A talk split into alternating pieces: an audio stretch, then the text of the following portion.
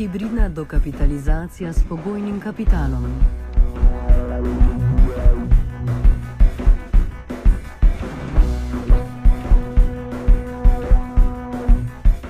Vlada je na današnji seji sprejela predlog zakona o spremembah in dopolnitvah zakona o bančništvu.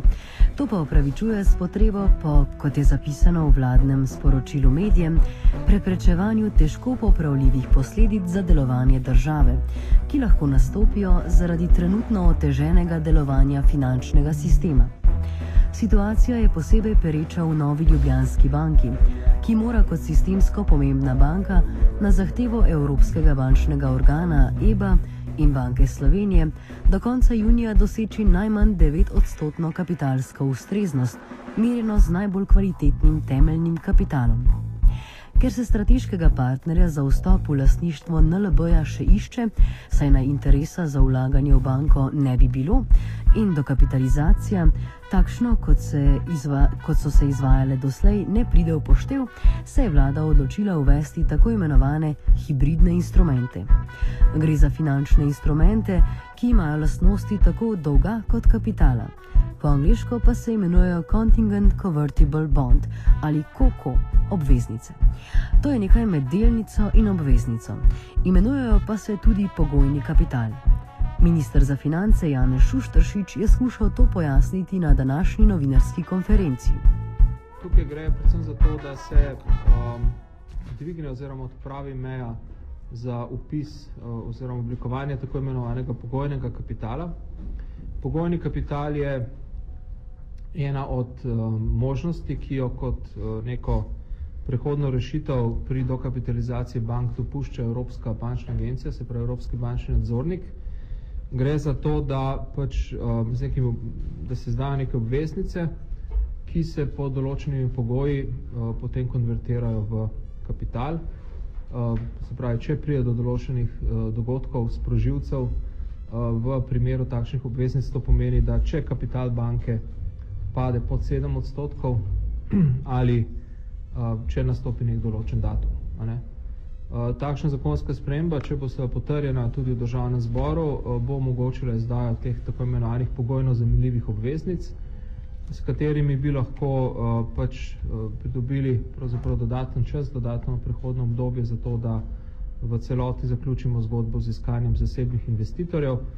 Tukaj se nekaj dogovorov tudi že je in pričakujemo, da bomo lahko tudi tekom naslednjega tedna ali naj, največ dveh tednov tudi natančno te dogovore predstavili. Zaenkrat pa, kot rečeno, stvarjamo predvsem zakonsko podlogo, podlago za takšno ravnanje, če bo potrebno seveda to storiti.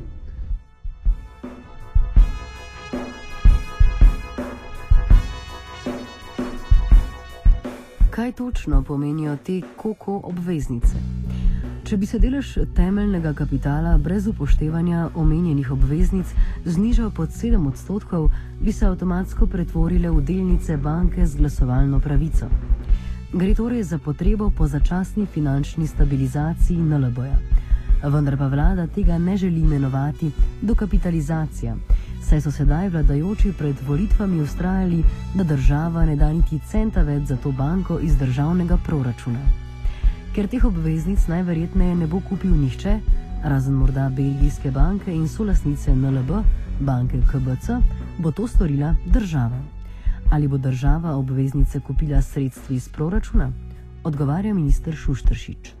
Zdaj prvič gre za prihodno rešitev, drugič um, verjetno bo možno uporabiti sredstva, ki so že v bankah, se pravi zadolževanje, ki je v preteklih letih že bilo uh, narejeno, tako da to ne bo pomenilo dodatnega novega zadolževanja države.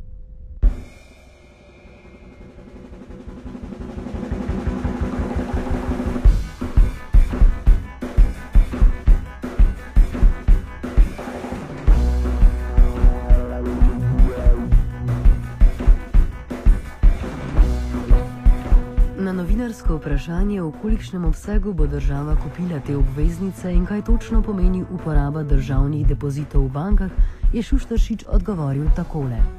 Je, tukaj je še nekaj vprašanj odprtih, ki jih bomo v naslednjem tednu dveh uh, dokončno rešili. Vprašanje je, v kakšni meri bo obstoječi solastnik KBC sodeloval pri tem vprašanje je tudi um, dokončno odločitev Evropske komisije.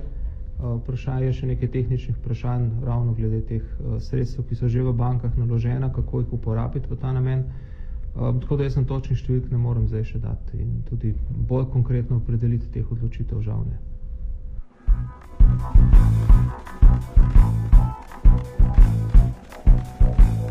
Kako tako imenovane koko obveznice razlaga ekonomist Jože Mencinger, ki je do uvedbe teh instrumentov sicer skeptičen? Ja, no, gre spet za nekaj, kar jaz imenujem nov finančen, nov finančen produkt, eh, s katerim se pravzaprav prikriva na nek način potreba po dokapitalizaciji eh, začasno, ne, eh, ker ta obveznica, tako imenovana koko obveznica, bi se spremenila ali se bo spremenila v lasniški delež. Se pravi, to je neko reševanje v sili, bolj računovodski trik kot karkoli drugega. Je pa odvisno seveda od tega, kako se beleži, kaj se beleži v javni dolg, kaj se ne beleži v javni dolg. In nakup teh obveznic ne bi, ne bi šel v javni dolg. Menim pa, da je povezan s tem, da se KBC pa EBRD Eh, še nista odločila za dokapitalizacijo Ljubljanske banke, eh, ki se po neumnosti vleče že dolga leta. O njej razpravljajo vsi, ki v tem kaj vedo ali pa ne. Pa vsi vedo samo številke, podobno kot na kakšnem nogometu, kjer vsi vemo, kam bi moral nekdo prcati. Eh, no, na nek način se pač vlada izvlekla z tega, zaradi tega, ker je trdila, da pač se, da davkoplačevalci ne bomo plačali Eh, dokapitalizacije Ljubljanske banke.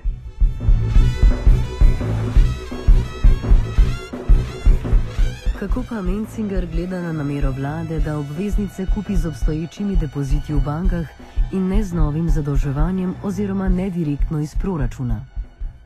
Ja, zdaj ne vem, najbrž tu imajo veste različne vrste bilanc, ne? to je tako imenovana bilanca B in se ne bo videl, predvsem pa zgleda, da v Evropski uniji te obveznice ne tretirajo kot povečanje javnega dolga, ampak gre bolj za računovodske mahinacije. Ne. Država je v banke dala predvsej depozitov, ko se je začela kriza, se je država zadolžila, pa ne, da bi sama rabila, ampak je dala kot depozit v bančen sistem.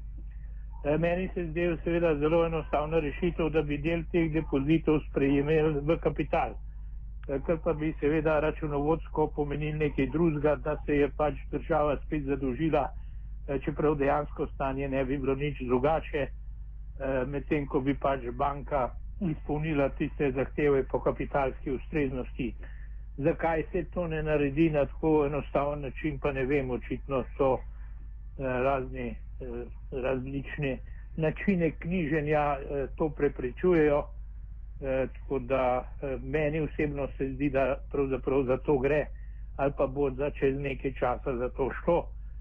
Eh, kaj se bo med tem zgodil, pa ne vem. Ne. Ta obveznice naj bi pač prinašale obresti.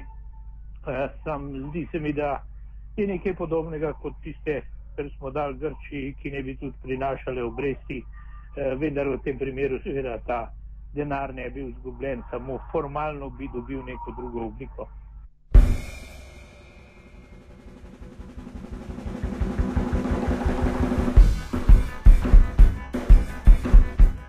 Vlada z uvedbo hibridnih instrumentov oziroma tako imenovanega pogojnega kapitala, karkoli že to pomeni, želi torej kupiti čas do konca leta, ko bo morala najti strateškega partnerja za novo Ljubljansko banko. Pri tem pa se izogiba terminu dokapitalizacije. Ne izogiba pa se strokovnemu jeziku, s katerim želi fascinirati javnost.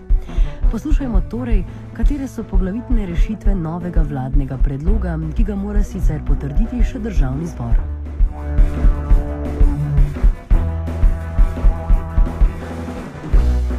Povečanje osnovnega kapitala stvarnim vložkom v obliki terjatev upnikov oziroma v obliki drugega premoženja v primeri finančnega prestrukturiranja bank oziroma sanacije bank opustitev splošne omejitve glede višine povečanja osnovnega kapitala banke v primeru pogojenega povečanja osnovnega kapitala oziroma pooblastila upravi za povečanje na podlagi odobrenega kapitala.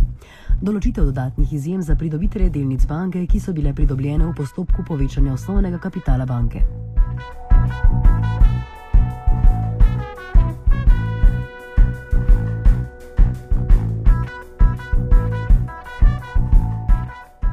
Kaj vse to pomeni? Na to vprašanje morda najbolj odgovori nek obiskovalec nekega internetnega foruma, ki je zapisal: Gre za vprašanje, kako NLB sofisticirano dokapitalizirati brez denarja in ne da bi jo kdo kupil.